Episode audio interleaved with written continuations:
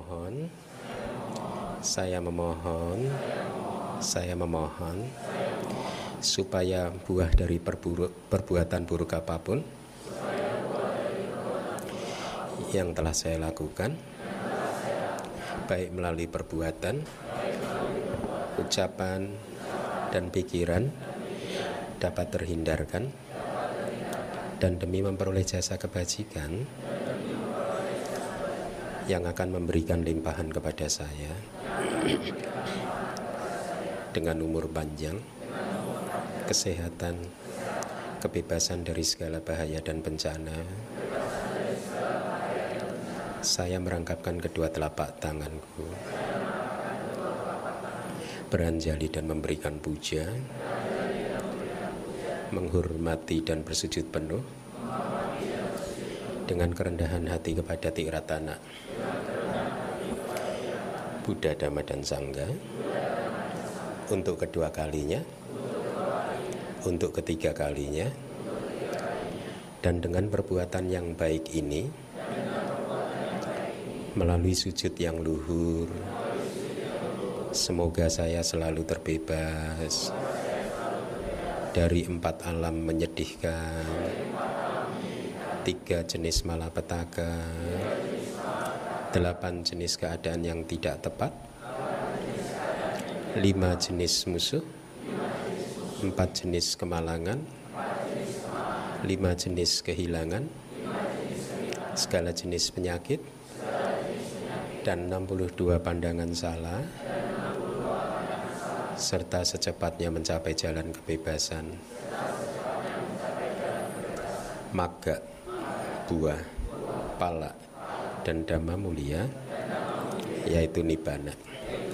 Ahang bante ti saranena saha panca silam damang ya jami anugahang katwa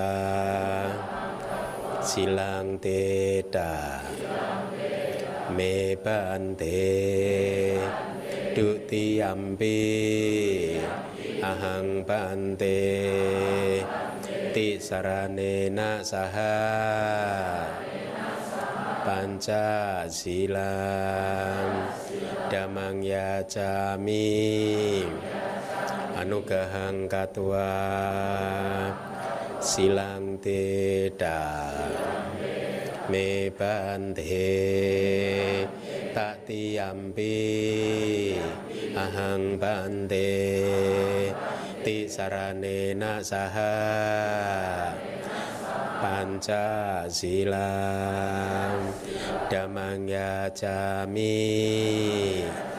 Anugahang katwa silang tidak me bante yam ahang wadami tang wateda Namo tassa bhagavato arahato sama sambuddhassa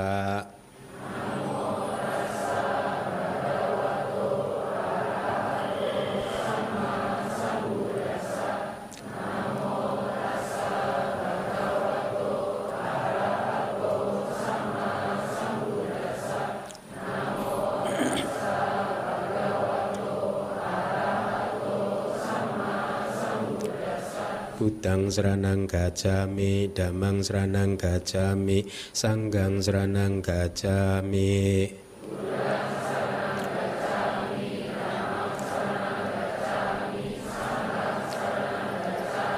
Dutiampi budang seranang gajami Dutiampi damang seranang gajami Dutiampi sanggang seranang gajami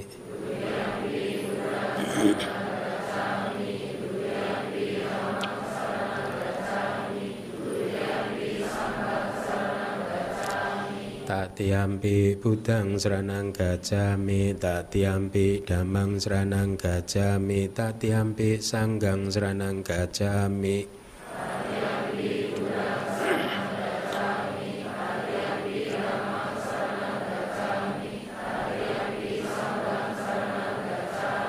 Tisarana kahanang paripunang panati pata wera manisika padang sama tiami.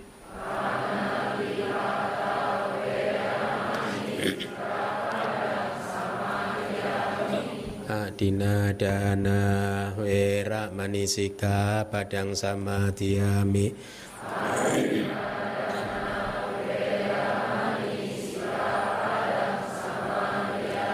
Sama tiami Adina dana wera manisika padang sama sumi cacara wera manisika padang sama tiami Musawada wera manisika padang sama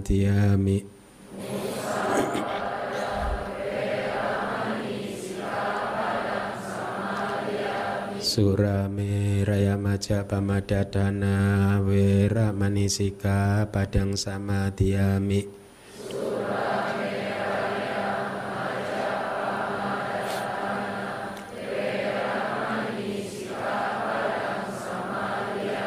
Idang me punyang. Asawa kaya wahang. Hotu.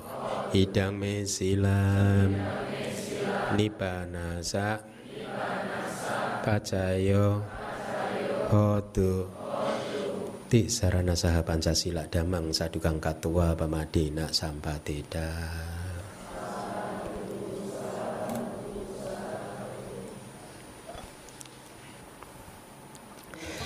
Baik, eh, selamat pagi semuanya.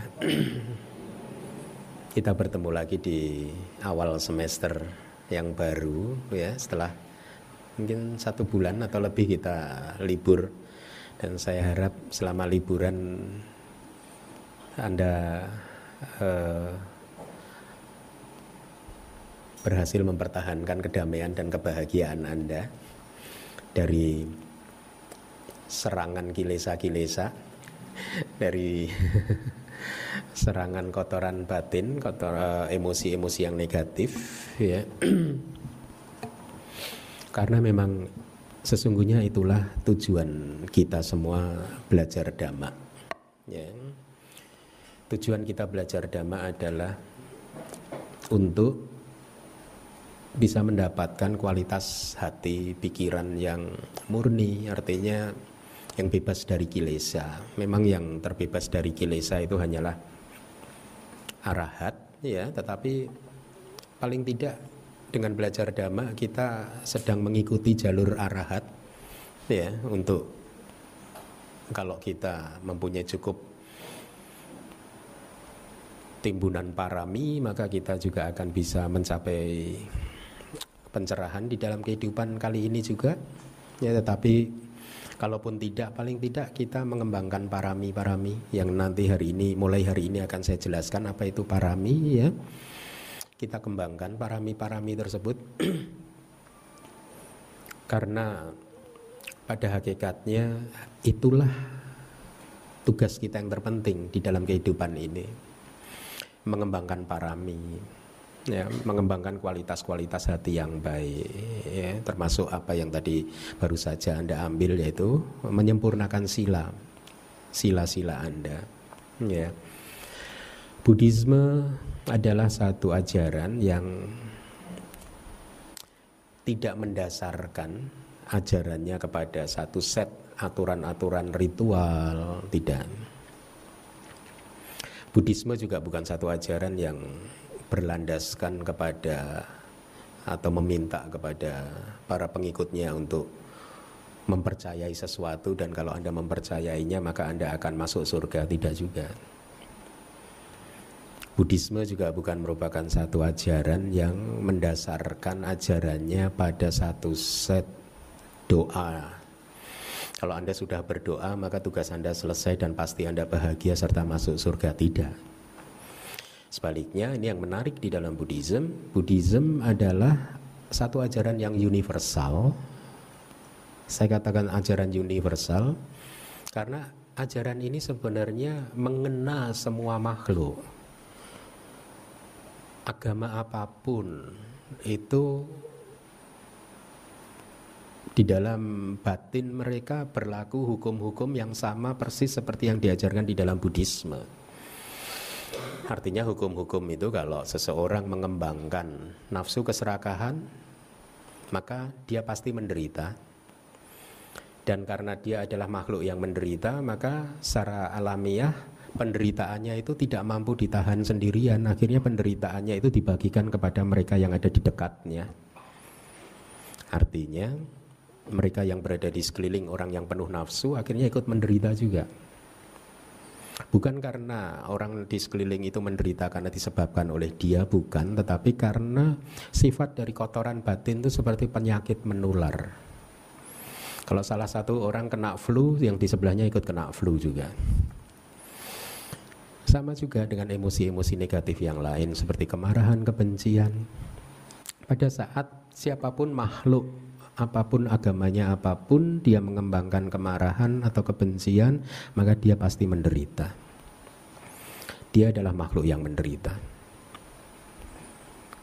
Agamanya apa pun. Dan tidak hanya kemarahan dan kebencian itu membuat dirinya sendiri menderita dia akan membagikan kemarahan dan kebenciannya itu kepada orang di sekelilingnya.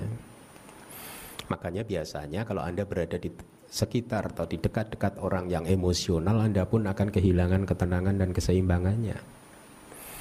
Nah, Buddhisme atau sebaliknya, kalau Anda mengembangkan atau makhluk apa pun, agamanya apa pun mengembangkan cinta kasih yang universal, artinya cinta kasih yang tanpa pamrih, mengembangkan kewelas asihan yang tanpa pamrih, maka dia pasti akan bahagia. Dan kebahagiaannya itu merembet, merembes kepada orang yang berada di sekelilingnya. Kalau kita berada di dekat-dekat orang yang penuh cinta kasih, penuh belas kasih, kita akan merasakan kedamaian juga. Ya, karena sifat dari energi mental itu ya begitu itu bisa menularkan ke sekeliling kita. Ya, nah, uh, Buddhisme adalah ajaran yang universal yang bisa dipraktekkan oleh siapa pun juga agamanya apa pun juga bahkan mereka yang beragama non Buddhis ya mempraktekkan Buddhisme pun juga tidak harus membuat mereka berpindah agama karena ini ajaran yang memang berlaku untuk semua yang mempunyai pikiran, semua yang mempunyai hati. Ya. Dan makhluk apa pun itu juga, manusia apa pun itu juga, agamanya apa pun mempunyai tujuan yang sama yaitu ingin hidup bahagia.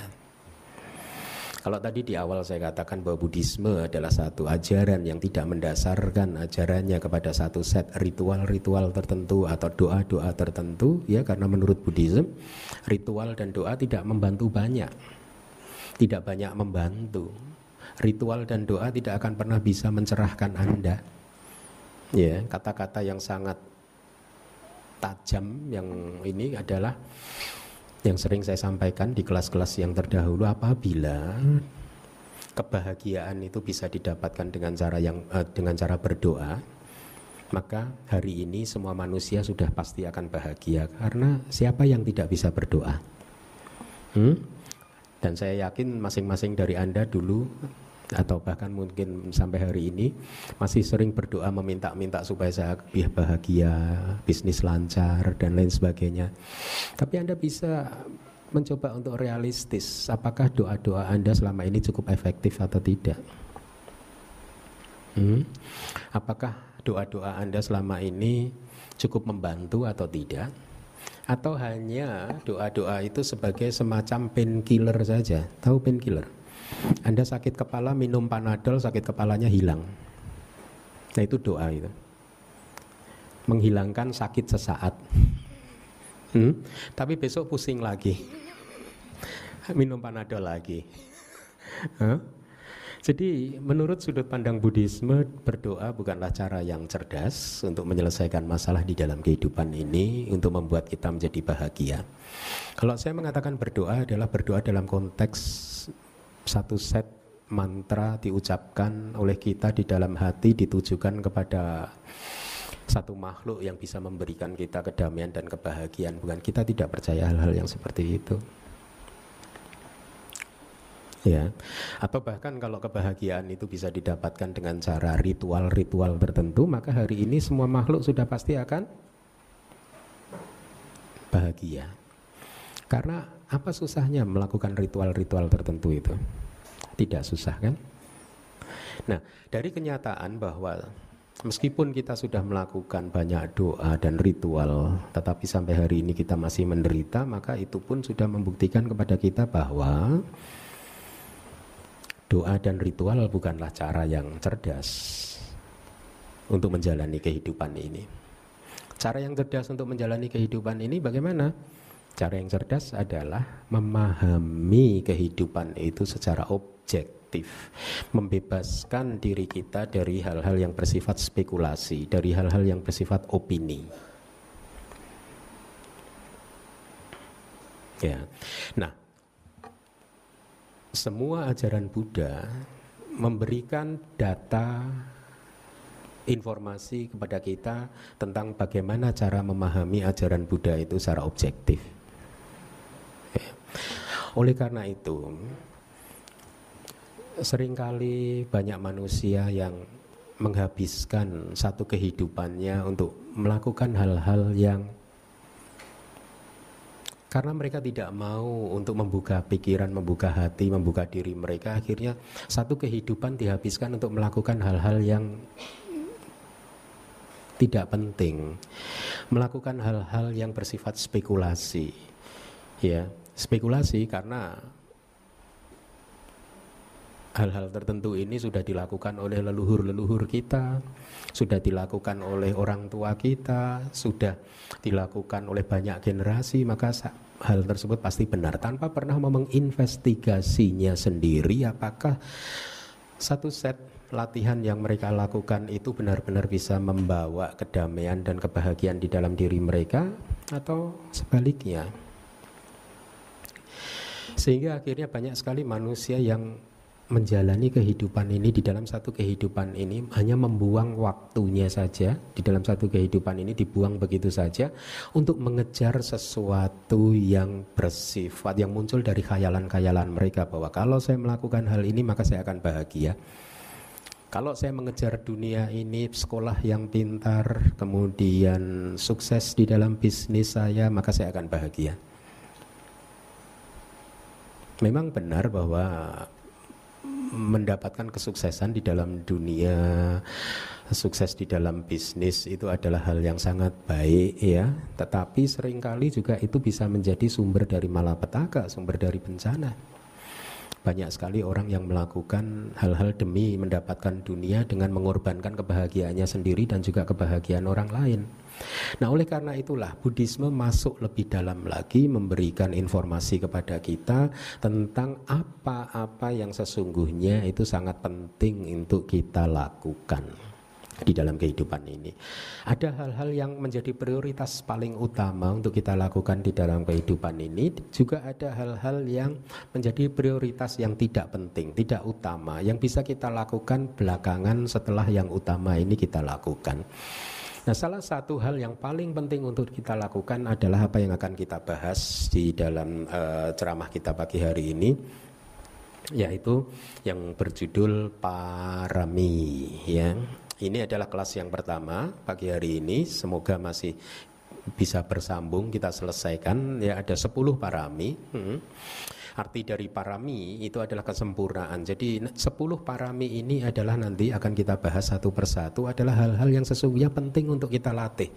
Penting untuk kita kembangkan demi mendapatkan kedamaian, kebahagiaan dan bahkan pencerahan untuk segera bisa keluar dari segala bentuk kesulitan, segala bentuk penderitaan hingga kita nanti akhirnya bisa merealisasi nibana ya.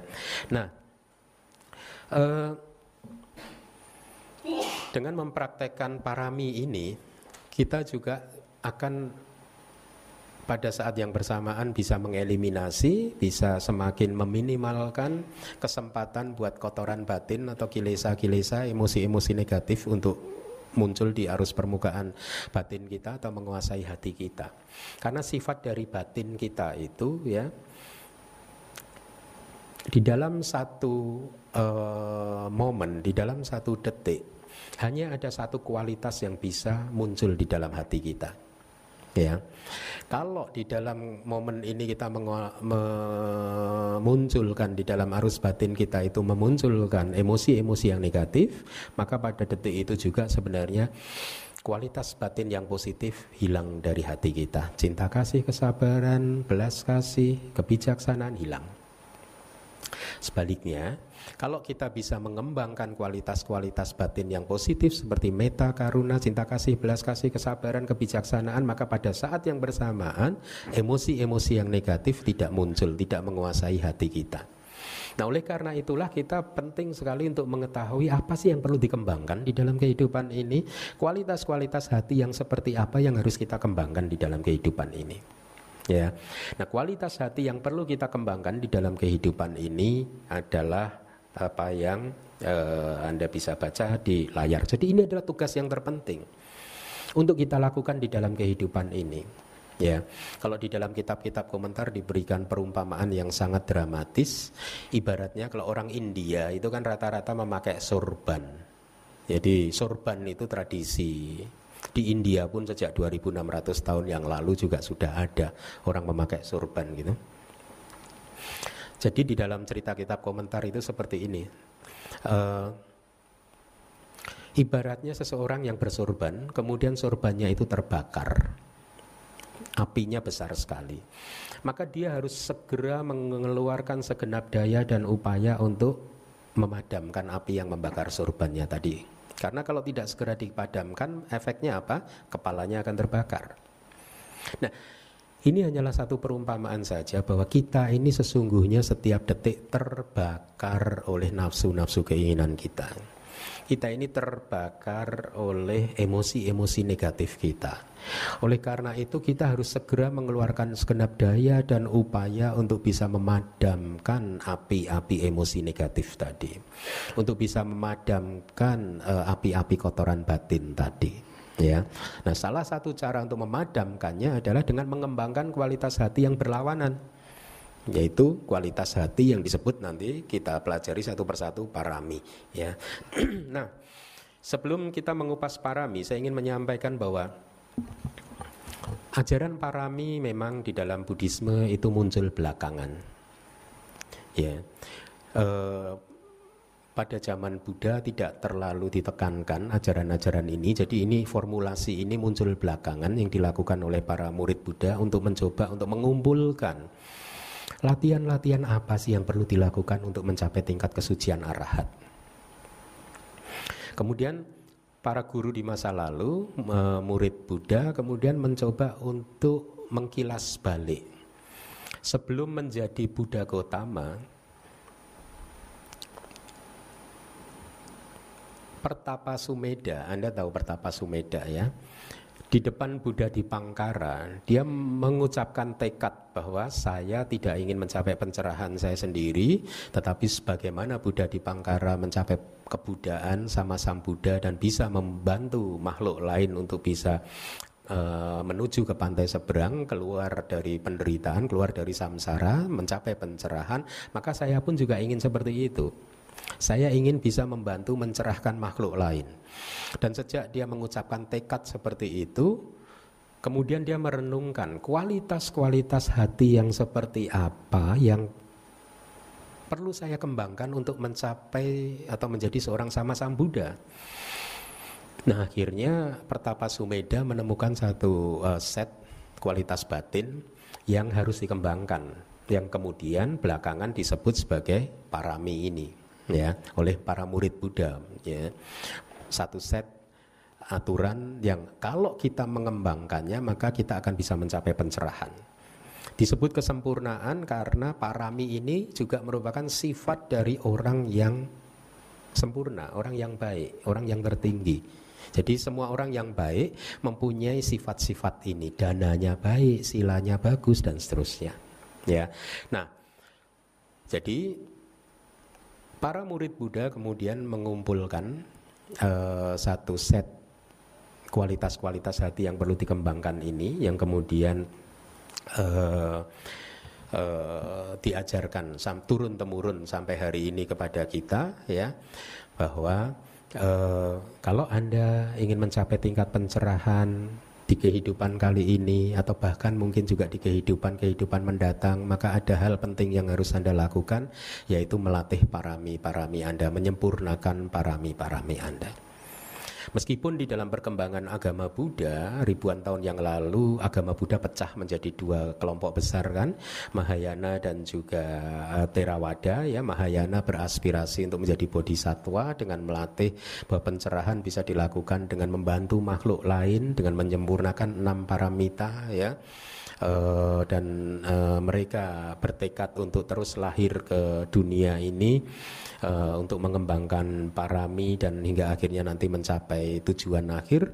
Tapi berbeda dengan Mahayana Theravada sesungguhnya adalah ajaran yang menekankan kepada kita untuk mencapai pencerahan di kehidupan saat ini juga. Ya kenapa? Karena kehidupan mendatang tidak pasti. Hmm? Siapa yang bisa menjamin Anda nanti akan terlahir sebagai manusia sebaik sekarang, sesukses sekarang? Enggak pasti. Karena tidak pasti, maka Theravada menekankan latihan parami harus dikembangkan saat ini juga. Ya, e, tidak perlu menunggu sampai kelahiran kelahiran-kelahiran yang berikutnya. Ya, Bante, tapi kan saya sudah e, terlanjur menempuh jalur kehidupan sebagai umat perumah tangga, nggak mungkin bisa mencapai pencerahan e, di kehidupan kali ini uh, di kehidupan yang saat ini. Ya, karena jalur yang sudah Anda pilih seperti itu, maka paling tidak di dalam kehidupan ini jadikanlah parami ini yang akan kita pelajari ini sebagai satu aturan, eh, satu latihan yang paling penting yang akan uh, Anda junjung tinggi, Anda praktekkan ya, mengalahkan hal-hal lain yang uh, yang tidak penting, ya. Nah, mari kita lihat parami adalah kualitas-kualitas mulia yang dilakukan dengan belas kasih, cara-cara yang baik, itu saya beri garis bawah, dan tidak ternoda oleh tiga hal, yaitu tanha, mana, didik, nafsu keinginan, kesombongan, dan pandangan salah. Jadi, kalau Anda melakukan sesuatu dengan disertai oleh lima faktor ini, yakni Anda melakukan sesuatu karena belas kasih Anda ingin menolong makhluk lain, ya tetapi juga dilakukan dengan cara yang baik. Ini penting. Belas kasih harus dilakukan dengan cara yang baik. Artinya apa? Belas kasih harus dilakukan dengan kebijaksanaan. Anda tidak bisa mengekspresikan cinta kasih Anda, belas kasih Anda tanpa kebijaksanaan. Anda masih ingat cerita anak muda yang ingin membantu kepompong keluar dari cangkangnya? Hmm? Ada seorang anak muda melihat kepompong sedang berjuang keras, squeeze apa, memeras tubuhnya sendiri keluar dari cangkangnya, ya. Kemudian anak muda ini melihat betapa repotnya kepompong tadi berusaha untuk keluar dari cangkangnya, dia timbul belas kasih Kasihan ya kepompong tadi ya. Dia kemudian muncul satu niat ingin membantu kepompong tadi untuk keluar dari kesulitannya, keluar dari penderitaannya dengan cara apa? Dia segera pulang ke rumah, kemudian mengambil gunting, dia, sesampainya di apa eh, eh, pohon yang ke, ada kepompongnya tadi, kemudian dia gunting cangkangnya. Tujuannya baik. Tujuannya adalah ingin membantu kepompong tadi supaya tidak perlu bekerja keras untuk memutar tubuhnya sedemikian rupa untuk keluar dari kepompongnya, ya. Dengan demikian kepompongnya bisa segera keluar dari cangkang dan hidup menjadi kupu-kupu yang indah. Baik kan tujuannya kan? Tetapi ternyata apa yang dia lakukan itu bukanlah sesuatu yang bijaksana karena efeknya adalah kepompongnya malah mati. Kenapa kepompongnya mati? Karena ternyata proses dia keluar secara alamiah dari kepom, uh, dari cangkang itu dibutuhkan, memang harus dibutuhkan buat dia untuk membuat tubuhnya kering. Jadi pada saat dia squeeze memeras apa kegencet begitu oleh cangkangnya, begitu keluar tubuhnya kering. Tetapi gara-gara dibantu oleh anak muda tadi, proses pengeringan tubuhnya tidak terjadi. Begitu kepompongnya keluar karena digunting oleh anak muda tadi, akhirnya keluar dalam bentuk yang basah. Sebentar kemudian, tidak lama kemudian kepompongnya mati. Anak mudanya salah tidak? Kan punya niat yang baik. Hmm? Anak mudanya punya niat yang baik, punya belas kasih, tetapi dia membantu tidak dengan menggunakan cara-cara yang baik. Dia membantu dengan menggunakan cara-cara yang tidak bijaksana, tidak skillful, tidak mempunyai pengetahuan tentang bagaimana cara membantu kepompong. Nah, oleh karena itu, parami berdana pun juga harus begitu. Misalkan satu kualitas yang pertama kan berdana. Anda ingin membantu orang lain, ya atas dasar belas kasih kepada orang lain yang Anda anggap sedang mengalami kesulitan. Tetapi Anda harus membantunya dengan menggunakan tata cara yang baik, menggunakan dengan eh, pertimbangan-pertimbangan yang bijaksana, ya mengumpulkan semua informasi-informasi yang diperlukan supaya bantuan yang Anda perlukan adalah bantuan yang bermanfaat dan akan membuat dia menjadi manusia yang makin berkembang kualitasnya. Jadi ada dua kualitas pertama yaitu belas kasih dan juga harus dilakukan dengan cara-cara yang baik atau cara-cara yang bijaksana. Kemudian ada tiga kualitas yang lain yaitu kita melakukannya tidak atas dasar nafsu keinginan, tidak ada pelekatan ya. Tidak ada favoritisme. Oh ini bantai saya saya mau berdana ke bantai saya saja. Yang lain tidak tidak. Itu pelekatan attachment ya. Tidak juga disertai dengan kesombongan. Tidak juga disertai dengan pandangan salah. Itu parami ya. Nah Nafsu keinginan, kesombongan dan pandangan salah adalah tiga hal atau tiga damak yang sesungguhnya memperpanjang pengembaraan kita di dalam samsara. Nah, sampai di sini Anda harus bisa membedakan kualitas antara parami dan juga kebajikan. Dalam hal berdana ada yang disebut dana parami kan? Ada juga yang disebut dana sebagai kebajikan. Ada kan? Bedanya apa? Kalau dana sebagai kebajikan, dana tersebut dilakukan dengan penuh perhitungan tadi. Ini yang menerima, ini bantainya bagus atau tidak, ladangnya subur atau tidak, ya. Kalau ini ladangnya subur, saya mau berdana. Kalau tidak, saya tidak mau berdana. Nah itu, apakah itu salah? Tidak juga. Tetapi ini bukan parami. Aktivitas yang seperti itu adalah dana sebagai kebajikan. Dana yang masih disertai dengan pelekatan. Oh, saya melekat pada ladang yang subur. Ya, efeknya apa? Ya, efeknya tidak negatif. Efeknya adalah akan memberikan hasil berupa paling tidak ayu, warna suka balak, panjang umur, kerupawanan, kebahagiaan dan juga kesehatan dan lain. Ya. Dampaknya tetap bagus juga, tetapi efek apa pun yang diberikan oleh kebajikan, cirinya sama, memperpanjang siklus samsara. Karena akan membuat Anda masih terlahir lagi, terlahir lagi, terlahir lagi, terlahir lagi. Efek dari berdana, kebajikan dana Anda akan membuat Anda mungkin terlahir sebagai manusia yang kaya raya, tapi sekaya raya apa pun Anda, Anda adalah masih manusia yang berada di dalam samsara. Anda tugasnya belum selesai. Tugas kita apa? Merealisasi nibana, keluar dari samsara. Nah, parami berbeda. Parami tidak memperpanjang tetapi dia memperpendek samsara. Kebalikannya. Jadi, kalau Anda ingin memperpendek samsara, ya berdanalah tanpa mempertimbangkan siapa penerimanya, ini dan itu, ini dan itu. Oh berarti nggak boleh praktek dana kebajikan punya atau kebajikan Bante. Ya harus diimbangi aja. Kebajikan tetap dilakukan untuk mengamankan perjalanan Anda. Kebajikan yang disebut berdana yang memperpanjang samsara tadi boleh dikatakan mengamankan kelahiran-kelahiran Anda di dalam samsara. Harapannya adalah kalau Anda kita tidak bisa mencapai tingkat kesucian arahat di dalam kehidupan kali ini, kita masih bisa terlahir lagi nanti setelah ini sebagai manusia yang mengenal agama Buddha yang cukup nyaman hidupnya sebagai manusia sehingga bisa berlatih dhamma meneruskan perjalanannya lagi. Jadi kebajikan pun juga penting. Ya, parami juga penting. Ya, jadi sekarang Anda sudah tahu perbedaan dua kualitas antara kebajikan dan parami, ya. Nah, Parami adalah persyaratan universal yang diperlukan oleh siapa pun juga untuk menjadi Buddha, Paceka Buddha dan Arahat. Ya, ada tiga istilah ya. Nanti akan uh, kita bahas ini satu uh, persatu. Apa yang dimaksud Buddha, apa yang dimaksud Paceka Buddha dan apa yang dimaksud dengan Arahat.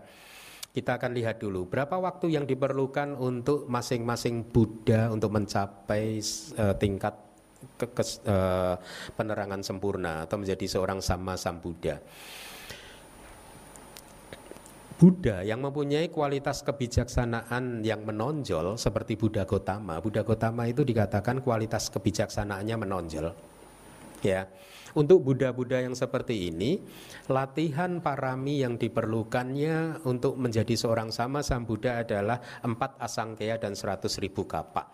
Empat asangkaya itu kira-kira satu ribu putaran, eh, satu kali putaran dunia dari dunia ini nanti hancur, berkembang pelan-pelan pelan-pelan sampai kemudian dunia alam semesta ini sempurna lagi, kemudian makhluk manusia semua tinggal di bumi ini, kemudian untuk jangka waktu uh, yang lama lagi hancur, kemudian terbentuk lagi. Satu putaran dari hancur terbentuk hancur itu disebut uh, empat uh, ya satu putaran dunia. Kalau 100 ribu kapak satu kapak itu satu masa yang panjang sekali. Ini adalah dimensi waktu yang berla eh, yang yang mungkin berlaku 2600 tahun yang lalu. Kira-kira kalau satu kapak itu kalau dengan bahasa modern saya sering eh, apa mengartikannya mungkin satu miliar tahun. Saking lamanya. Ini 100 ribu kapak satu putaran dunia masih ditambah 100 ribu kapak. 100 miliar tahun. Nah, katakanlah begitu ya. Nah, Anda lihat karir Bodhisatta, ingat nggak? Sejak Pertapa Sumeda mengucapkan tekad janji di depan Buddha di Pangkara, kemudian dia merintis karir bodhisatwanya dengan mengembangkan 30 parami, tidak hanya 10, 30 karena tiga lapisan, tiga tingkat dari parami, untuk kemudian menjadi Buddha Gotama, waktunya itu 4 asangkaya 100 ribu kapak, lama sekali. Triliunan tahun mungkin. ya, uh, kita tidak tahu persis angka sekarangnya berapa karena di kitab juga tidak disebutkan berapa uh, persisnya lamanya satu kapak itu. Tetapi kita bisa menduga uh, Buddha di Pangkara itu kalau tidak salah Buddha yang keempat. Buddha Gotama itu Buddha yang ke-28.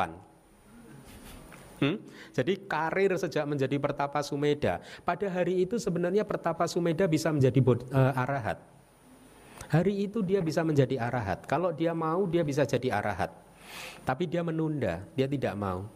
Saya tidak tertarik dengan pencerahan saya sendiri. Saya tertarik untuk di samping saya tercerahkan, saya juga harus mampu mencerahkan orang lain. Kira-kira begitu tekadnya si Pertapa Sumeda yang kemudian menjadi uh, Buddha Gotama.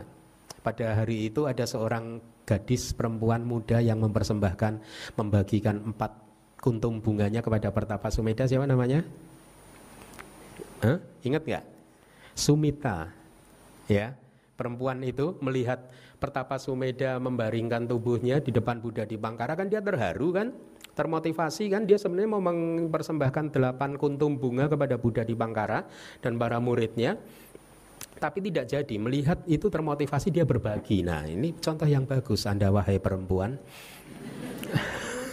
Kalau Anda melihat ada laki-laki yang menginspirasi Anda, berbagilah kepada mereka dan kemudian tirulah seperti yang Sumita lakukan ya. Uh, pada saat itu dia mempersembahkan empat kuntum bunganya dan dia bertekad semoga dengan kekuatan kira-kira begini Semoga dengan kekuatan jasa kebajikan saya ini Saya bisa terus menerus mendampingi laki-laki ini untuk menggapai cita-citanya huh? Dan singkat cerita di dalam banyak kehidupan memang Sumita akhirnya menjadi istrinya Bodhisatta ya. Sampai di kehidupan terakhir waktu Bodhisatta terlahir sebagai pangeran Siddhartha, si Sumita terlahir jadi siapa? Ya saudara. Ya. Asik nggak? Dan saya suka dulu waktu masih sekolah itu membaca ceri perjalanan Sumita sampai menjadi Sumita menjadi ya saudara itu ada satu momen yang sangat menggetarkan hati pada saat Pangeran Siddhartha meninggalkan kerajaannya. Kemudian kan ya saudara juga berperilaku seperti pertapa. Hmm? Dia silanya juga sila-sila, mungkin uposata sila kayak hari ini ada yang mengambil uposata sila. Jadi dia berlaku seperti pertapa karena dia ingin mendukung dia, padahal dia mungkin lupa bahwa dia dulu adalah Sumita yang berjanji mau mendampingi laki-laki ini menggapai cita-citanya untuk menjadi insinyur. Dokter, bukan cita-citanya untuk menjadi sama-sama Buddha. ya. Nah, kemudian pada saat Pangeran Siddhartha bertapa enam tahun meninggalkan Yasodhara, kemudian uh, selama tahu, bertahun-tahun itu pula si Yasodhara berperilaku yang seperti itu menjaga kesuciannya ya. Dan satu hari setelah mencapai tingkat penerang, uh, penerangan sempurna Buddha Gotama kan pulang ke kerajaannya ya. Di, di perjalanan pulang dia mengatakan kepada Ananda nanti kalau kira-kira Yasodhara itu memegang saya diamkan saja kan perempuan tidak boleh memegang bante kan tetapi terhadap Buddha Gotama ini Buddha mengizinkan biarkan saja dia menumpahkan segala isi hatinya gitu.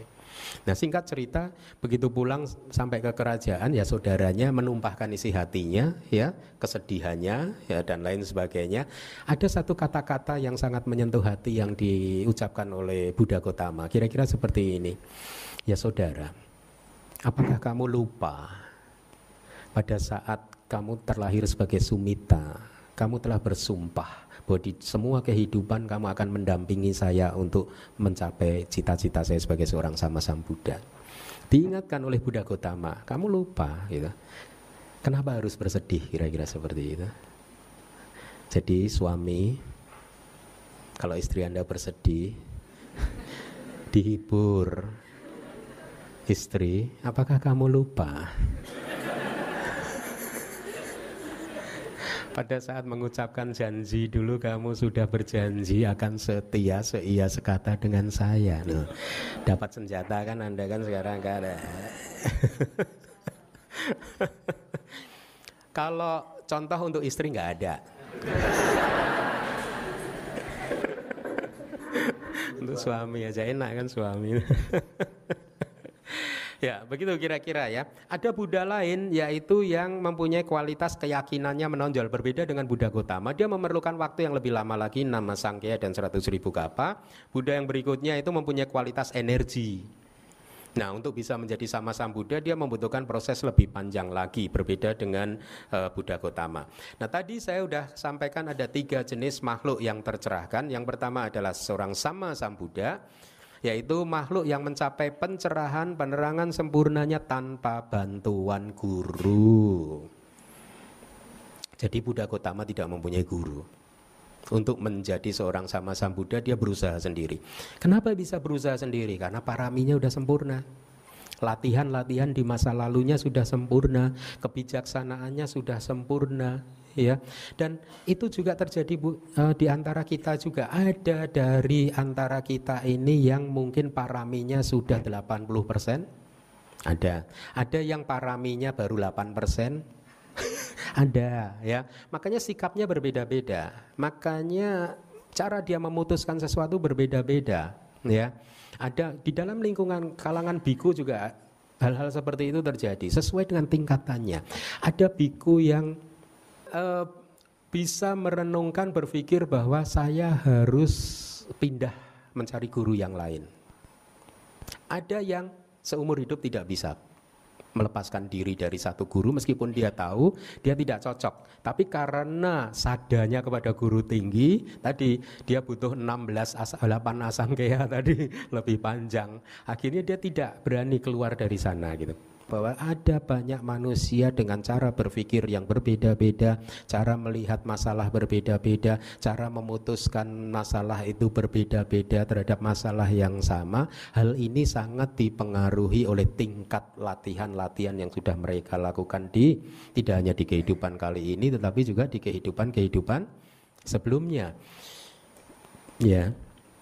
Nah, ya contohnya misalkan ada umat Buddha yang cocok dengan satu guru ini, ada umat Buddha yang cocok dengan guru lain, itu sama semuanya itu terkondisi oleh apa yang sudah pernah kita lakukan di masa lalu, terkondisi ya tidak ada kejadian apa pun di dalam kehidupan ini yang muncul tanpa sebab dan uh, tanpa kondisi. Semuanya adalah terkondisi oleh apa yang sudah terjadi di masa lalu.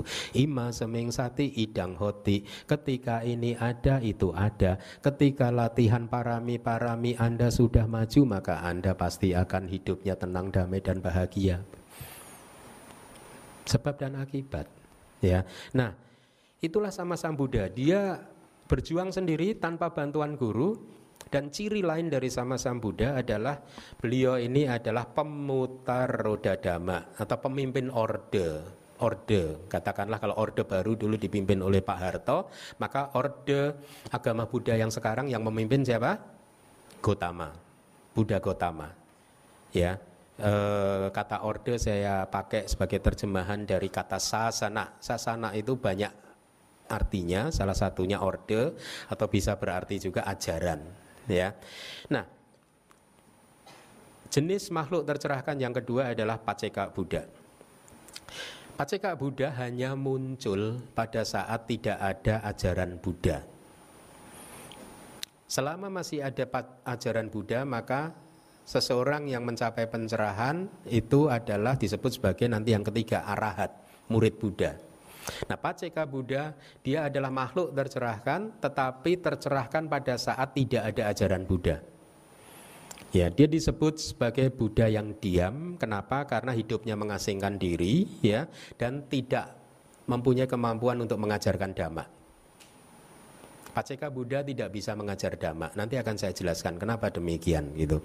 Nah, Paceka Buddha juga mencapai pencerahan tanpa bantuan guru sama ya. Salah satu yang terkenal adalah Dewa Data. Pada suatu hari nanti, mungkin satu juta satu miliar tahun ke depan, dia akan keluar dari neraka Awici dan terlahir sebagai manusia dan menjadi seorang Paceka Buddha. Ya, itu uh, Dewa Data. Ya. Jenis yang ketiga adalah arahat. Ya, uh, mereka ini merealisasi nibana dengan bantuan seorang guru atau seorang sama Sam Buddha dan arahat mampu mengajarkan kepada orang lain. Kenapa Paceka Buddha malah tidak mampu mengajarkan orang lain? Mari kita lihat. Saya kemarin sudah coba cari dari kitab komentar ya. Eh, jadi ada informasi-informasi seperti ini. Eh, Paceka Buddha itu bisa berasal dari keluarga yang biasa, mungkin kasta yang terendah pun bisa, kasta sudra kalau di India, ya. Atau bisa berasal dari kasta brahmana dan juga bisa juga berasal dari kasta satria. Tetapi seorang sama Sam Buddha dia hanya bisa uh, terlahir sebagai manusia kalau tidak lahir di kasta satria, kesatria kayak seperti Buddha Gotama, Pangeran Siddhartha kan lahir di kasta satria kan sebagai anak raja kan? Atau dia bisa juga Buddha ini bisa juga terlahir di kasta Brahmana. Nah, sementara itu murid terbaik dari Buddha, agak sawaka, arahat yang menjadi murid terbaik yang mempunyai kemampuan-kemampuan yang menonjol hanya muncul atau terlahir dari kasta Brahmana dan Satria seperti Buddha ya. Murid arahat yang mempunyai kekuatan menonjol hanya terlahir di kasta-kasta yang baik seperti itu seperti Buddha dikarenakan tenaga kama dari masa lalunya. Jadi karma apa yang kita lakukan dari masa lalu bisa menentukan uh, kualitas kehidupan kita saat ini. Sama juga apa yang kita lakukan saat ini bisa menentukan kualitas kehidupan kita besok. Kira-kira seperti ini. Dari semua murid Buddha para arahat kan ada beberapa yang mempunyai kualitas menonjol kan? Nah ini mereka karena di masa lalunya juga termasuk misalkan yang Arya Sariputa atau Mogalana. Karena parami-parami mereka sudah cukup bagus juga gitu. Ya. Nah Paceka Buddha tidak bisa membimbing makhluk lain karena beliau ini hanya menembus cita rasa pencerahan gitu. Kalau bahasa palinya ada rasa. Hanya menembus cita rasa dari pencerahan tetapi Paceka Buddha tidak menembus cita rasa dari dhamma, dhamma rasa ya. Karena dia hanya tahu uh, tiba-tiba berjuang bermeditasi kemudian mengalami pencerahan tapi dia tidak memahami dhamma itu seperti apa sehingga dia tidak bisa mengelaborasi apa yang dia alami kepada orang lain. Sehingga dia tidak bisa membimbing orang lain untuk menempuh jalur atau latihan yang sama dengan dia Kenapa? Karena dia tidak menembus cita rasa dari dhamma, maka dia tidak bisa menceritakan pengalaman nibananya seperti apa dia tidak bisa menceritakan. Ya, dia tidak bisa menceritakan pengalamannya dengan menggunakan kata-kata seperti ini. Jadi di kitab komentar diberi istilah mugena tidak supinowiya, seperti seseorang yang bisu, seperti seorang bisu bermimpi. Seperti mimpi yang dialami oleh orang yang bisu. Orang yang bisu, maaf ya, dia bermimpi seindah apa pun, kira-kira apakah dia bisa menceritakan kepada orang lain? Bisa Bante ditulis lewat WA Bante. Ini ini kan hanya perumpamaan saja. Jadi orang bisu mimpi, seindah apa pun mimpinya dia tidak bisa menceritakannya kepada orang lain. Nah, Paceka Buddha juga seperti itu. Meskipun dia mencap merealisasi nibbana, tetapi dia tidak bisa menceritakan kepada orang lain. Atau diberi contoh lagi di kitab komentar seperti orang desa merasakan makanan lezat orang kota. Kaget, tidak tahu ini apa sih, ini apa sih. Kira-kira begitu. Ya. Nah, Itulah mengapa Paceka Buddha tidak bisa mengajar dhamma kepada orang lain ya. Jadi Paceka Buddha tidak mampu memahami cita rasa empat kebenaran mulia yang telah dia rasakan. Nah mari kita lanjutkan lagi eh, 10 parami itu adalah bagus sekali kalau Anda hafalkan. 10 parami itu adalah dana parami. Mari kita sebut satu-satu. Dana parami, sila parami, nekama parami, panya parami, wirya parami, kanti parami, sat nekama parami, panya parami, wirya parami, kanti parami, saca parami, aditana parami, meta parami, upekha parami. Sepuluh ini nanti akan kita pelajari satu persatu ya. Di dalam Mahayana mereka mengenal enam parami, sesungguhnya tidak begitu berbeda karena ada beberapa parami yang digabungkan e, menjadi satu ya. Nah, saya akan sampaikan sekarang kenapa disebut sebagai parami, alasannya apa. Ini dari kitab komentar. Seorang bodhisatta, bodhisatwa adalah makhluk yang unggul bahasa palinya parami paling unggul paling baik ya karena beraspirasi sesuatu yang aspirasinya sangat mulia. Karena disebut makhluk yang terunggul kenapa? Karena bodhisatwa ini mempunyai kualitas-kualitas yang terpuji seperti dana sila dan tadi yang sudah anda baca 10 tadi ya. Jadi karena bodhisatwa ini disebut makhluk yang terunggul parma Kenapa disebut terunggul? Karena dia kualitas dana, sila dan lain sebagainya itu bagus sekali. Oleh karena itu, kualitas dana, sila dan seterusnya itu disebut parama, tapi bukan parama tapi dirubah parami, seseorang yang mempraktekkan kualitas-kualitas yang unggul. Gitu. Atau alasan lain, dengan mempraktekkan 10 kualitas yang tadi sudah Anda baca hingga, eh, sehingga menjadi sifat Anda, maka eh, kalau dalam hal ini bodhisatwa sehingga menjadi sifat bodhisatwa maka dia disebut sebagai makhluk yang melebihi makhluk yang lain. Bodhisatwa itu melebihi makhluk yang lain. Kalau anda ingat kalau kita dana parami kita kan hanya berdana materi saja kan? Hmm? bodhisatwa istrinya didanakan loh saya juga mau sih Bante ada yang gitu nggak anda anggota tubuhnya juga didanakan Makanya dia disebut melebihi yang lain. Kalau kita tidak perlu 30 parami ya, tiga level begitu. Kita cukup 10 parami. Tapi bodhisattva itu tiga level. Tidak hanya materi, nyawa didanakan, anggota tubuh didanakan, anak istri didanakan. Ya kalau yang terakhir mau juga sih Bante. gitu ya para suami ya. Baik, Parami adalah merupakan karakter atau sifat seseorang yang terunggul. Jadi kira-kira itulah maka disebut sebagai uh, uh, parami ya. Empat batasan untuk parami. Karakteristiknya apa pun itu dana sila apa pun yang Anda praktekkan Anda melakukannya demi manfaat makhluk lain. Ini yang membuat berbeda. Ya, orientasinya selalu memberikan manfaat membantu makhluk lain. Itu parami, ya sorry, fungsinya adalah selalu siap sedia tanpa ragu membantu makhluk lain. Itu ciri atau fungsi dari parami. Perwujudannya adalah pengharapan kesejahteraan makhluk lain. Hanya mengharapkan makhluk lain untuk sejahtera, damai, bahagia. Ya, sebab terdekatnya maha karuna, belas kasih yang sangat besar, atau belas kasih dan cara-cara yang baik seperti tadi Uh, contoh yang menggunakan cara tidak baik itu pemuda yang membantu mengeluarkan kepompong tadi ya. Nah, jadi ini empat batasan untuk parami. Kita lihat parami yang pertama, dana parami ya. Dana membantu berkembangnya sila. Anda sudah sering mendengarkan uh, latihan bertahap di dalam Buddhisme apa? Dana, sila, bawana. Dana adalah fondasi untuk sila Anda, sila adalah fondasi untuk meditasi Anda ya. Tetapi di dalam parami, mari kita lihat, dana ini membantu berkembangnya sila. Tetapi nanti Anda akan juga melihat bahwa dana juga membutuhkan sila. Kalau Anda ingin berlatih dana yang sempurna, maka sila Anda harus sempurna juga. Dana yang dibantu oleh sila yang sempurna akan memberikan manfaat yang sangat besar sekali, ya. Dana adalah kenapa ditempatkan sebagai latihan yang pertama di satu uh, satu set 10 parami karena dana adalah latihan yang paling mudah untuk dipraktekkan. Nah lo, masa sih Bante kirain paling sulit? Saya pikir paling sulit. Anda masih ingat cerita anak muda yang berdana itu sulit sekali?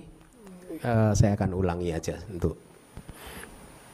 Jadi ini ada anak muda yang terkenal kikir, pelit, ya untuk mau berdana saja dia mikirnya itu 10 kali, 20 kali, 30 kali gitu. Jadi setiap kali dia habis mendengarkan dhamma nanti ada dana parami kan, dia akan memilihnya, dompetnya lama sekali gitu. Mana gitu. Biasa itu kebiasaan dia, jadi sifat dia. Dia akan lama sekali bertimbang. Yang merah, biru, apalagi sih? Atau logam aja logam logam nih bagus nih logam. Saya udah lupa warna uang apa sih? Merah, biru apa lagi sih yang seribu apa warnanya?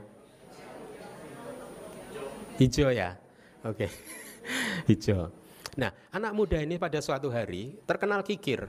Padahal karirnya bagus, penampilannya parlente, rapi terus ya udah rapi, modis, karir uh, perusahaannya juga berjalan, uh, berjalan dengan baik.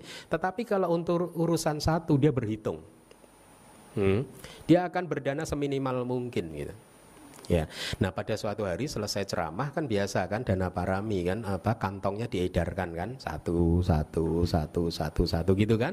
Giliran sampai uh, ke dia kantong udah diterima ambil dompet lama sekali gitu milih yang mana gitu kan? Akhirnya tadi yang logam tadi.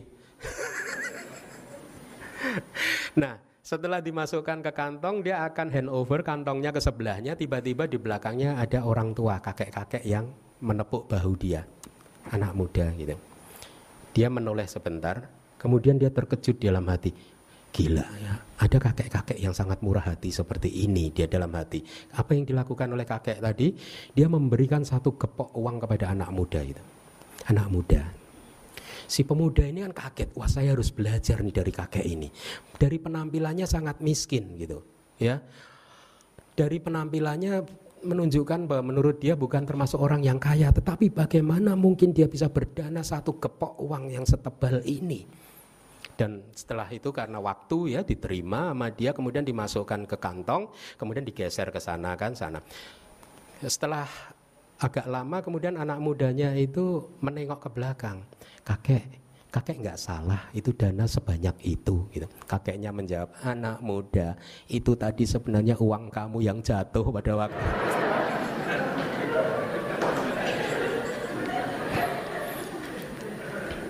pingsan dia.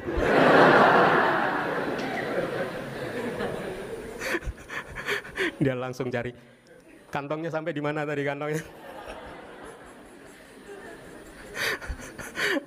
Menyesal dia. Baik itu intermezzo. Nah menurut Buddhisme dana itu paling mudah dibandingkan sila. Ya kalau anda masih merasa dana itu sulit berarti hmm, saya turut berbela sungkawa saja lah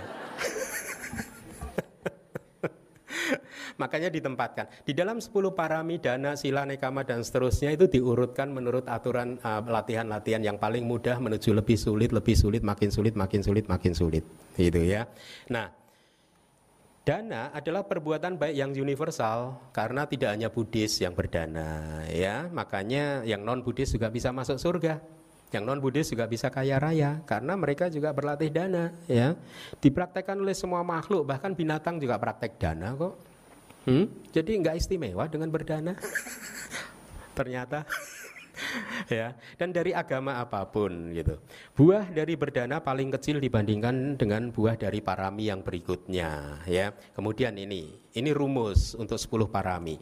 Dana yang disertai dengan sila akan memberikan buah besar dan bermanfaat. Itulah mengapa sila ditempatkan setelah dana. Sama juga dana yang disertai dengan nekama akan memberikan buah yang besar. Oleh karena itu nekama juga ditempatkan setelah da, uh, sila. Ya. Kemudian nekama yang disertai oleh panya akan memberikan buah yang besar oleh karena itu panya ditempatkan setelah nekama. Kira-kira seperti itu. Jadi artinya Anda berlatih dana tetapi juga harus diperkuat oleh sila. Kenapa harus diperkuat oleh sila? Ada saja umat-umat Buddha yang merasa sudah cukup berdana. Saya sudah berdana di sini, sudah berdana di sini, tetapi silanya tidak dilatih. Silanya tidak diamalkan. Ya? Nggak apa-apa lah ya. toh nanti kan dari berdana bisa lahir lagi jadi manusia yang kaya nah kalau sila tidak dipraktekkan Iya kalau lahir jadi manusia.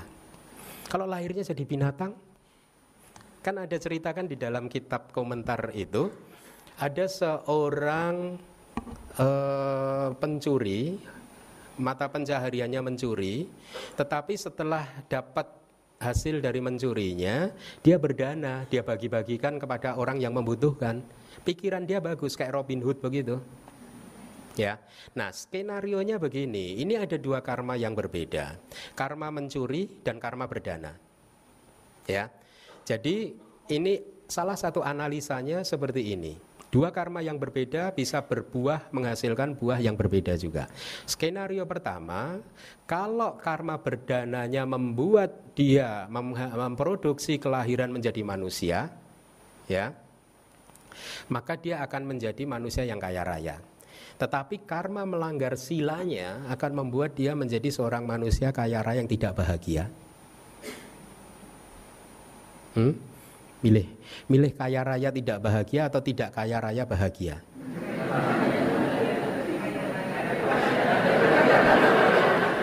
Anda udah pinter sekarang ya. Udah nggak mau terjebak pada pilihan saya ya. Thinking out of the box. Pilihan ketiga, Bante kaya raya ya bahagia udah nggak mau kejebak bantai lagi. Itu skenario pertama. Karma berdananya melahirkan kelahiran sebagai makhluk berarti kelahiran sebagai makhluk manusia. Ya katakanlah begitu. Perbuatan baik kan memunculkan kelahiran di alam yang baik kan. Tetapi karma melanggar silanya akan menghalangi kebahagiaan dia. Atau kalau skenario nya dibalik. Ya. Karma yang mencurinya tadi berbuah menghasilkan kelahiran sebagai binatang. Tetapi karena dia juga melakukan karma baik berdana, maka dia jadi binatang yang dipelihara oleh tuan yang baik hati, ya. Dapat makanan rutin, enak, gemuk, tidak kena sinar matahari, tidak kena hujan, ya. E, manicure, pedicure di salon, bawa ke salon, enak kan? Binatangnya hidupnya enak kan? Milih yang tadi atau yang ini?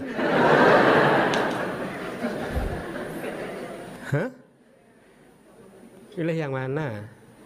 Kalau di dalam kitab komentar kan gajah yang hidupnya nyaman, ada kan contoh itu kan? Dia terlahir sebagai gajah sebagai akibat perbuatan buruknya, tetapi karena karma baiknya berdana itu berbuah, maka dia menjadi gajahnya raja. Enak kan jadi gajahnya raja kan dimandiin sama manusia, disikat, dibersihkan begitu. Pilih yang mana? Hmm? Itu resikonya dana tanpa sila.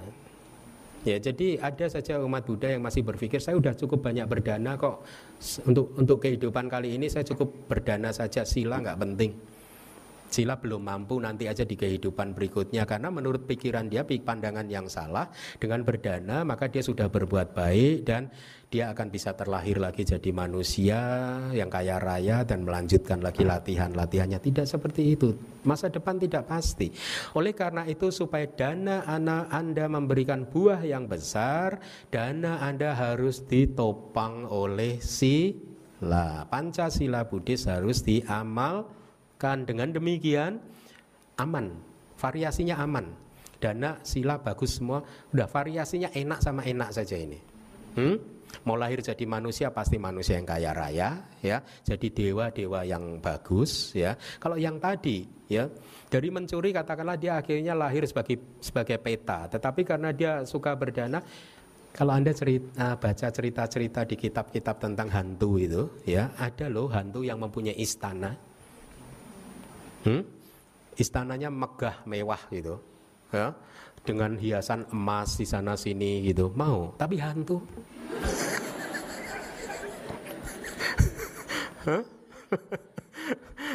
Tapi hidupnya nyaman hantunya. Hmm? Enggak kan? Ya, senyaman-nyamannya hantu tetap saja itu apa ya? Devoid of happiness. Sulit untuk mengalami kebahagiaan di alam-alam tersebut. Oleh karena itu, dana harus diperkuat dengan sila-sila kita. Jadi tidak cukup hanya berdana. Oleh karena itu, sangat bagus sekali DBS memberikan satu kesempatan kepada Anda semua setiap hari Minggu pagi Anda mengambil sila.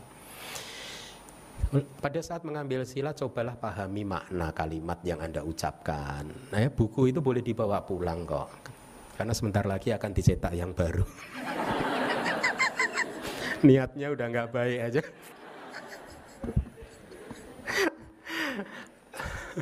Dibaca apa yang disebut panati mani dan seterusnya itu. Jadi Anda membaca sesuatu dan Anda menghayatinya, Anda menghidupinya gitu. Termasuk kalimat terakhir yang saya bimbing Anda itu idang me punyang asawa kaya wahang hotu. Semoga kebajikan ini, kebajikan saya ini ya, asawa kaya wahang hotu bisa mengalir ke arah kehancuran noda batin.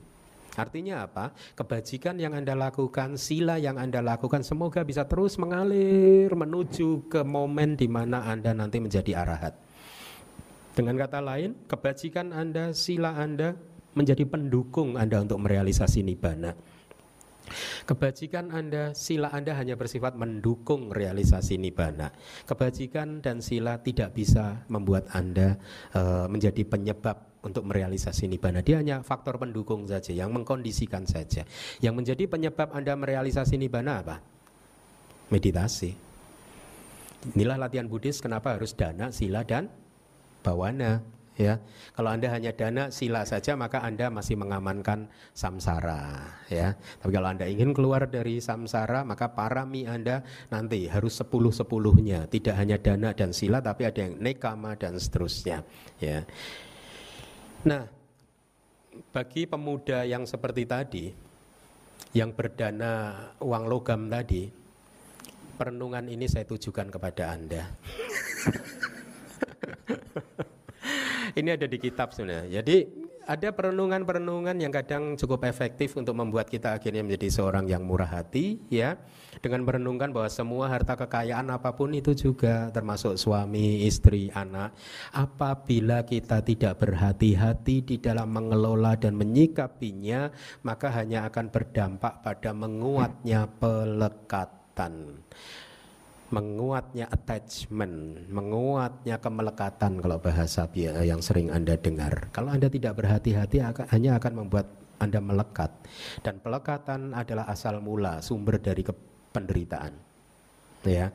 Jadi teruslah merenung ya supaya Anda bisa semakin mengurai pelekatan Anda, semakin mengur tidak begitu melekat lagi ya. Jangan takut anda para suami kalau Anda tidak melekat pada istri Anda, istri juga jangan takut kalau suami Anda tidak melekat kepada Anda, ya. Waduh kalau tidak melekat pada saya berarti nggak cinta saya lagi. Suami juga jangan takut kalau istri Anda tidak melekat pada Anda, jangan takut. Ya gimana nggak takut kalau dia nggak melekat kan berarti nggak cinta. Justru pada saat anda tidak melekat kepada pasangan anda, anda bisa memberikan yang terbaik buat pasangan anda. Ini yang jarang dilihat oleh orang. Saya mengalaminya setelah bertahun-tahun melatih Buddhisme ya saya tidak mengatakan bahwa saya sudah menghancurkan pelekatan, tetapi saya merasakan dengan sedikit mengurangi pelekatan, saya mendapatkan sedikit kedamaian dan kebahagiaan, dan saya bisa membahagiakan orang tersebut dengan lebih positif lagi. Dengan semakin banyak mengurangi pelekatan, saya akan mendapatkan semakin banyak ketenangan, kedamaian, dan kebahagiaan, dan saya bisa membahagiakan dia atau siapa pun itu lebih banyak lagi. Jadi ini yang harusnya Anda pegang teguh, Anda yakini, sadar Anda harus kuat bahwa Justru karena Anda tidak melekat kepada pasangan Anda, maka Anda akan bisa memberikan yang terbaik kepada pasangan Anda. Anda akan bisa mencintai mereka dengan lebih baik lagi. Ya, cinta yang disertai oleh pelekatan, cinta yang disertai oleh sikap batin, batin yang melekat adalah cinta yang menindas, cinta yang mengontrol, cinta yang mengendalikan, cinta yang mengatur kehidupan orang lain. Kamu harus begini supaya saya cinta kamu. Hmm? Kalau kamu nggak begini saya nggak cinta. Hmm. Hah? Bukan cinta yang sehat, karena ada sifat penindasan di sana, mengekang kebebasan pasangan Anda, dan belum tentu pasangan Anda bahagia, Anda kekang seperti itu. Oleh karena itu, cinta yang tulus, yang murni, hanya akan muncul kalau batin Anda sudah semakin tidak melekat kepada objeknya. Ya, nah inilah sumber kebahagiaan, inilah sumber kedamaian. Ya, yang harus anda praktekkan untuk semakin mengurangi pelekatan terhadap apa pun yang menjadi milik anda. Gitu.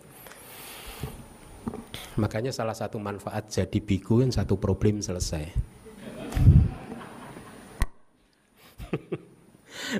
Perenungan yang lain adalah bahwa renungkanlah bahwa harta kekayaan suami istri bisa menjadi objek iri hati oleh orang lain, apa pun itu juga, ya, dan bisa diinginkan oleh orang lain juga atau harta benda Anda disita oleh negara atau dicuri oleh orang atau dihambur-hamburkan oleh pewaris Anda yang tidak bisa mengelolanya dengan baik.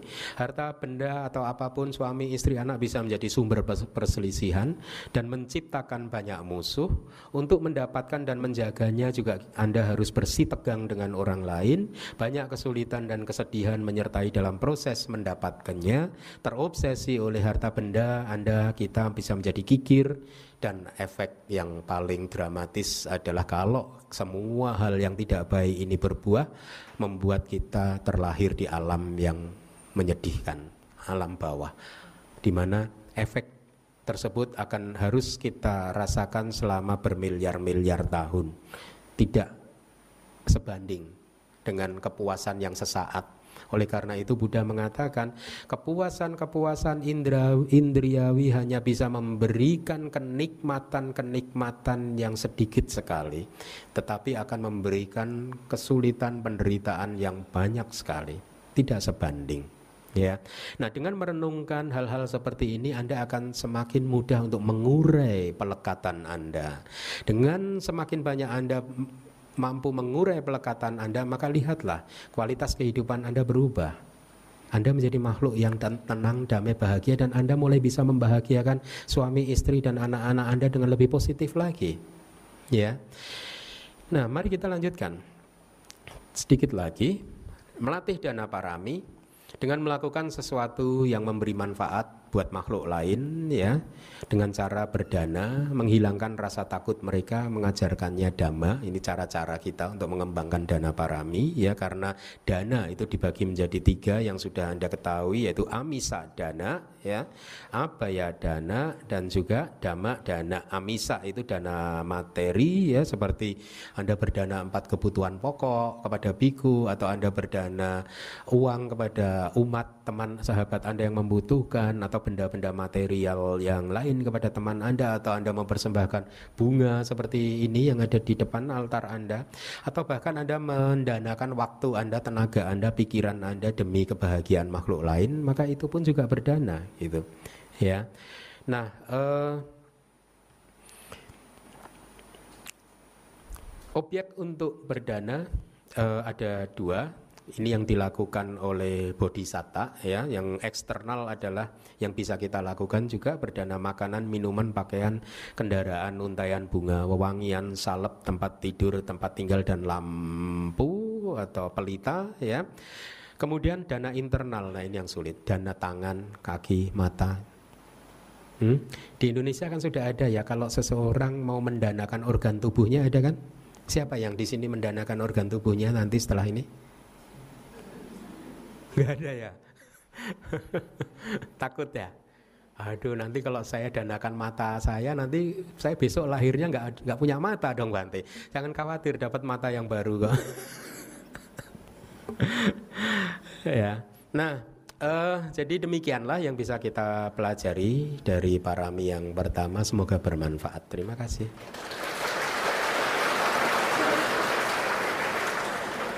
Sekihontu Bante. Uh, cuma mau nanya contoh abayadana apa ya? Oh, abaya dana. Abaya dana. Jadi memberikan rasa tanpa takut, ketidaktakutan.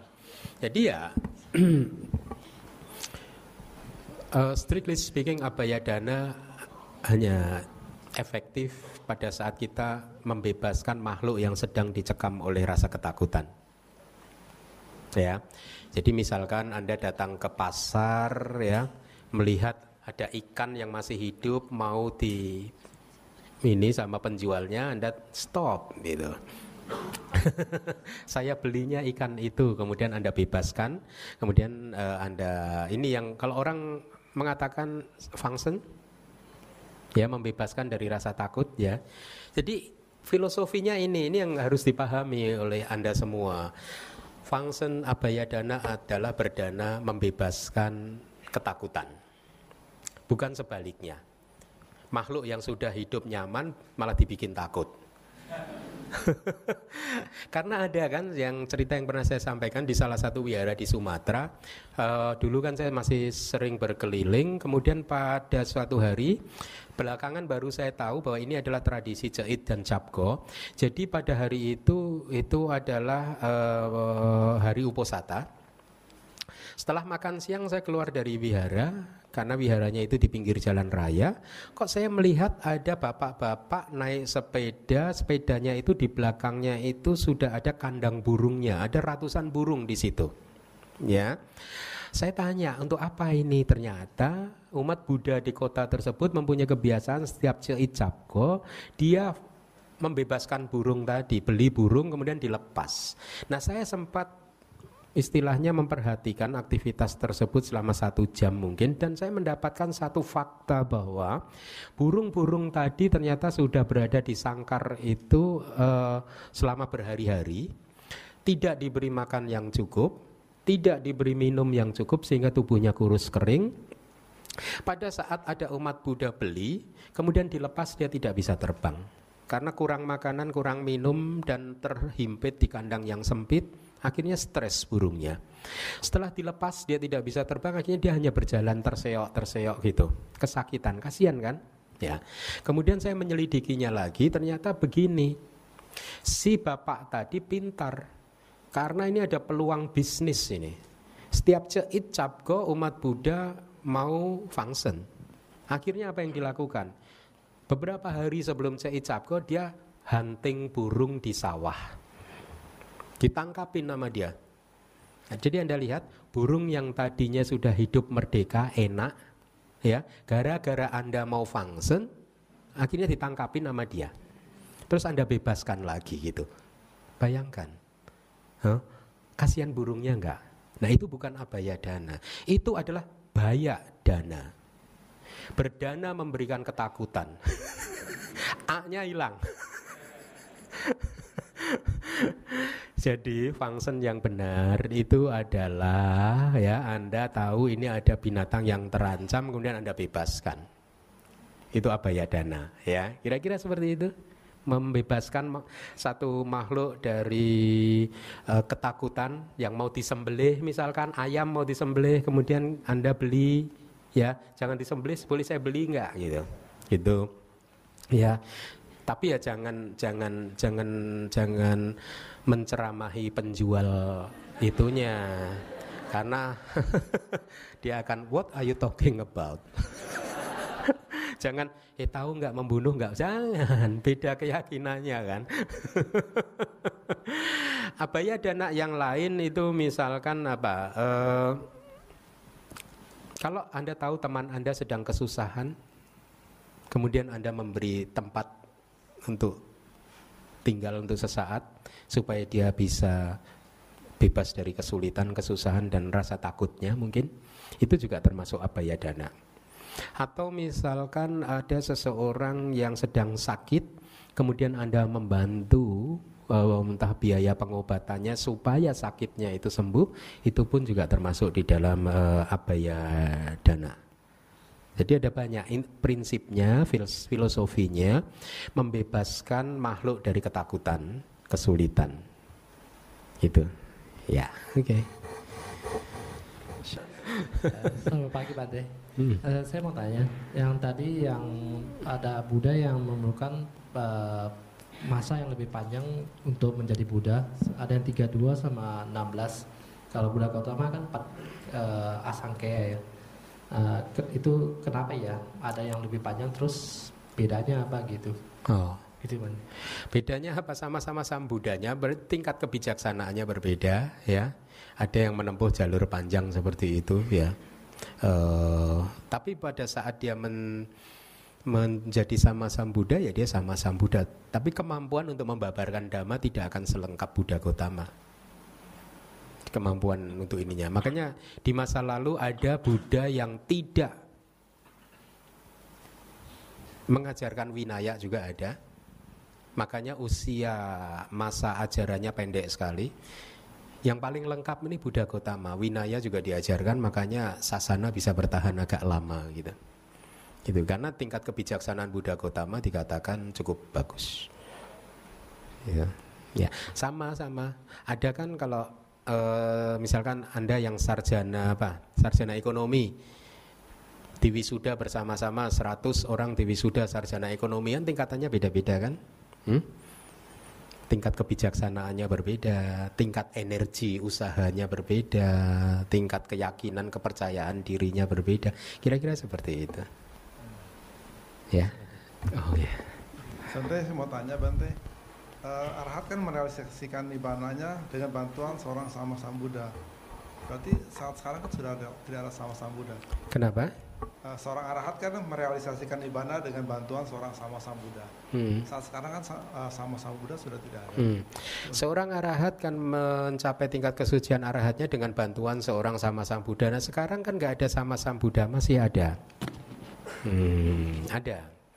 Pada saat di banyak kesempatan Buddha mengatakan yo damang pasati so mang pasati siapa yang melihat dhamma dia melihat saya Ada banyak kayak itu. Pada saat Buddha hendak parinibbana, kemudian yang Arya Ananda bertanya, siapa pewaris tahta suksesi kepemimpinan setelah Buddha Gotama nanti? Buddha berkata, e, Yo Ananda mayada moja winayo cade sito panyato sowo mamat cayena satati. Wahai Ananda, ya apa pun dhamma yang sudah saya ajarkan, sudah saya declare, saya jelaskan, itulah nanti yang akan menjadi guru Anda setelah saya parinibbana, setelah saya mangkat, kira-kira seperti itu. Jadi saat ini masih ada Buddha ya. Yaitu di mana? Tripi Tripitaka. Buddha ada di kitab suci kita. Oleh karena itulah mempelajari Tripitaka menjadi sangat penting sekali karena Tripitaka adalah guru kita. Kalau Tripitaka ini adalah guru kita, maka kita harus kenal pada guru kita. Anda udah kenal Tripitaka? Hmm? Belum ya, berarti belum kenal guru Anda. Nah, ada berapa buku dalam Tripitaka? tiga bantai country. Enggak, banyak sekali ada di di ruang makan itu di atas itu. Yang bahasa Inggris, tapi itu pun tidak lengkap ada sekitar 30 lebih itu. Itu pun belum lengkap. Ya, jadi itulah mengapa uh, Tripitaka, Dhamma dan Winaya itu penting buat Anda untuk Anda pelajari dan itulah mengapa di dalam mendirikan DBS sejak awal saya berusaha untuk mengajarkan memberikan informasi-informasi yang ada di kitab-kitab gitu ya. Jadi sekarang pun dengan kata lain kita masih pintu untuk menjadi seorang arahat masih terbuka lebar. Karena sama Sang Buddha masih ada, yaitu ajarannya. Ya, oke. Okay. Selamat siang Bante. Nama budaya. Sebenarnya yang mau nanya istri saya tapi malu, jadi saya wakili aja. uh, apa pertanyaannya adalah apakah perempuan bisa menjadi Buddha? Terima kasih Bante. Perempuan jadinya Budi.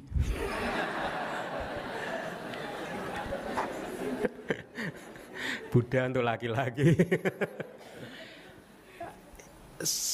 Saya sebenarnya netral dalam hal ini. Ya artinya kadang juga ada merasa ketidakadilannya. Kalau saya ingin menyampaikan apa yang ada di kitab kita itu ya, yang nanti sebentar lagi akan saya sampaikan. Tetapi pada saat saya menulis buku saya yang pertama itu saya bertimbang cukup lama. Saya sampaikan atau tidak? Kalau saya sampaikan intinya wanita tidak bisa jadi Buddha. Ya ada alasan-alasannya. Kalau saya sampaikan di buku yang pertama nanti saya dikira bias gender. Tetapi kalau tidak saya sampaikan nanti jangan-jangan malah akan memunculkan pandangan salah. Itu oleh karena itu demi menjaga umat supaya tidak jatuh dalam pandangan salah, maka saya akhirnya menyampaikan di buku saya yang pertama tentang kesadaran itu ada perempuan tidak bisa menjadi Buddha karena untuk bisa menjadi Buddha itu ada beberapa persyaratan. Ya, Misalkan seperti tadi, siapa Pertapa Sumeda tadi. Ya, persyaratannya adalah dia menguasai semua jana pada saat itu dan dia bisa menjadi seorang arahat. Kalau dia mau pada hari itu untuk dibimbing oleh Buddha di Bangkara kemudian lingga sampati dia mencapai kesuksesan jenis kelamin. Sudah laki-laki. Ada kesuksesan jenis kelamin. Kenapa? Disebutkan katanya, katanya ya ini di dalam kitab, seorang manusia besar itu fisiknya mempunyai tanda yang khusus. Ada 32 tanda Mahapurisa kan manusia yang besar kan?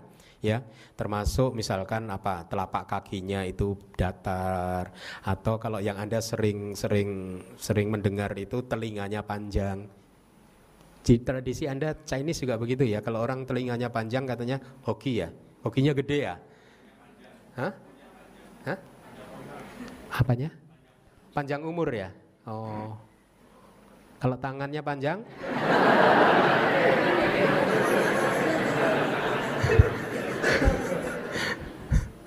loh, tapi salah satu tandanya tangannya panjang loh. Makanya saya menyebutnya tangannya panjang bukan panjang tangan. Beda. Jadi ada tanda-tanda besar. Nah, salah satunya maaf ya, salah satu tanda manusia besar adalah uh, gimana nih bicaranya? Ah. Susah nih ngomongnya ini apa ini? Biku itu kosakatanya sedikit. Enggak sebanyak Anda.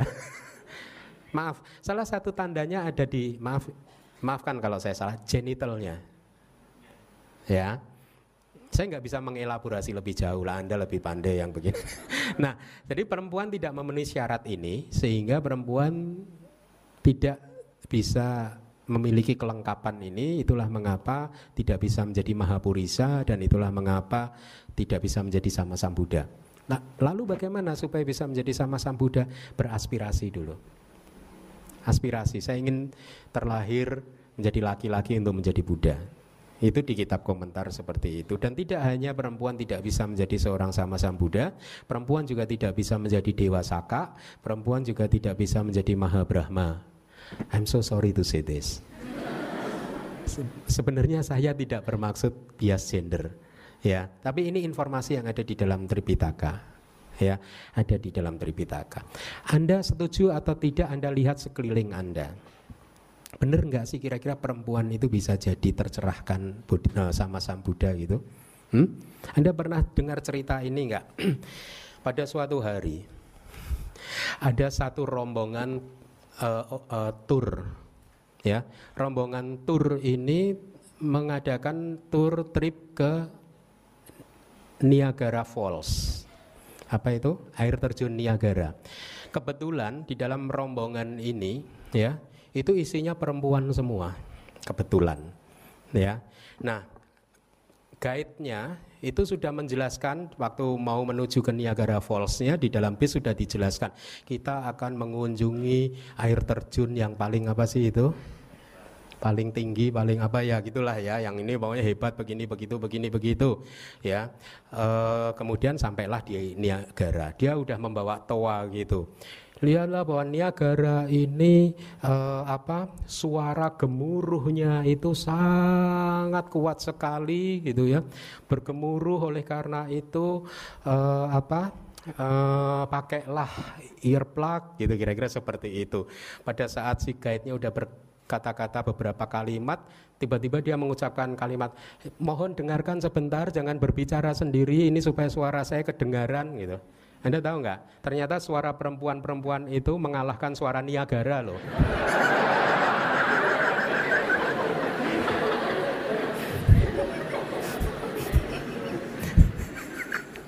Bener nggak sih?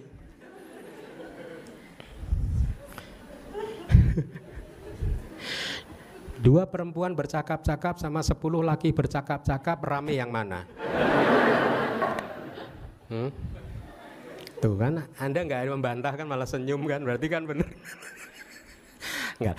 Maaf, maaf, saya bukan bias gender. Saya pendukung perempuan. Saya pendukung perempuan, itulah mengapa saya mendukung Bikuni Terawada. Saya pendukung perempuan ya sebagai biku terawada kan tradisi terawada sudah menutup kesempatan buat perempuan untuk menjadi bikuni terawada saya mendukung ada kan artikel saya yang saya tulis tetapi saya mendukung bukan karena saya emosional bukan. Menurut logika saya perempuan masih bisa jadi bikuni. Ada artikel saya mungkin di website ada tentang judulnya habis gelap terbitlah terang. Itu artikel itu saya tulis khusus atas permintaan bikuni tertentu yang pada waktu itu mau menahbiskan bikuni. Ya. Dan dia berterima kasih atas dukungan saya karena saya ber, bersikap objektif. Anda boleh baca tulisan saya, judulnya Habis Gelap Terbitlah Terang, ada di website Damawihari. Saya memberikan referensinya bahwa sesungguhnya mengatakan bahwa perempuan sudah tidak bisa jadi bikuni itu khayalan, saya kata. itu delusi, khayalan. Gitu. Saya kupas semua data-datanya. Jadi menurut logika pemahaman dhamma dan winaya saya yang pernah saya pelajari, perempuan saat ini masih bisa jadi bikuni terawada. Jadi kembali lagi, saya tidak merendahkan perempuan, tetapi saya hanya mencoba menyampaikan apa yang ada di kitab bahwa kitab suci kita, kitab komentar mengatakan bahwa perempuan tidak bisa jadi sama sang Buddha, tidak bisa menjadi dewa saka, tidak bisa menjadi maha Brahma. Meskipun Brahma dikatakan penampilannya tidak mempunyai gender, Brahma itu tidak mempunyai jenis kelamin. Tetapi tetap saja dikatakan Maha Brahma, ah, perempuan tidak bisa menjadi Maha Brahma. Kenapa? Karena meskipun tidak mempunyai gender, tapi penampilan Maha Brahma itu tetap saja laki-laki katanya begitu. Ya, nah Benar atau tidaknya saya sudah memberi contoh Niagara Falls tadi. saya, saya tidak tahu benar atau tidaknya, tapi kalau saya meyakini ini ya sudah. Jadi tapi saya tidak sedang bermaksud untuk membuat Anda sedih wahai perempuan. Jangan sedih ya, karena Anda masih bisa jadi arahat. Cukup. Ya. Saya pun tidak beraspirasi menjadi sama Sang Buddha. Tidak. Buat apa sih? Pilihannya sulit. Satu di antara kalau sekarang manusia itu 7 miliar. Satu di antara 7 miliar. Kita harus berkompetisi. Belum yang man, yang ada di dewa, Brahma, alam bawah semua gitu ada banyak yang yang pengen jadi sama Sang Buddha. Enggak lah. Saya jadi arahat aja lah. Lebih ringan. Damainya sama kok. jadi begitu ya, uh, Bapak istri. Maksudnya istri anda ya. Jangan bersedih anda masih bisa jadi bikuni dan arahat. Pagi Bante. Mau tanya mengenai uh, kualitas parami yang di slide yang pertama tadi. Apa? Uh, kualitas parami yang itu kan di... salah satunya itu terbebas dari pandangan salah. Oh Nah, apakah itu dimaksudkan bahwa yang melakukan parami itu hanya makhluk-makhluk yang sudah masuk arus kesucian? Hmm. Karena kalau misalnya yang belum masuk kesucian itu kan uh, ada yang di 10 kebajikan itu salah satunya kan meluruskan pandangan salah, kan? Hmm. Jadi apakah setelah yang meluruskan pandangan salah baru bisa menuju ke parami gitu, Bante? Hmm. Mohon penjelasan. Terima kasih. Ya. Kalimatnya adalah tidak ternoda dengan pandangan salah, bukan sudah terbebas dari pandangan salah beda. Kalau sudah terbebas dari pandangan salah berarti sotapan Arya. Ya ini pada saat melakukan itu di arus batin kita tidak ternoda oleh pandangan salah. Artinya apa? pandangan salah itu adalah pandangan yang meyakini tidak ada hukum karma. Ya. Pandangan salah itu adalah pandangan yang uh, ya tidak mengakui hukum karma itu bukan berarti huruf hukum karmanya tetapi tidak mengakui bahwa perbuatan baik akan menghasilkan kebaikan, perbuatan buruk akan menghasilkan efek yang negatif. Ya, kalau seseorang yang tidak percaya itu berarti itu adalah pandangan salah, ya. E, pada saat dia berdana katakanlah ya, dia tidak pada saat itu tidak ternoda oleh pandangan salah. Artinya pada saat itu dia tahu bahwa ini adalah perbuatan baik. Meskipun dia tidak memikirkan hasilnya. Bahwa menolong orang lain apa pun itu siapa pun itu agamanya apa pun itu adalah perbuatan baik. Nah itu eh, pada saat itu artinya batinnya tidak ternoda dengan pandangan salah. Jadi kalimatnya begitu tidak ternoda dengan pandangan salah. Bukan sudah terbebas. Kalau biasanya dalam Pali itu kalimatnya satu kalimat mengandung arti yang sendiri-sendiri gitu. Ya begitu? Ya oke cukup ya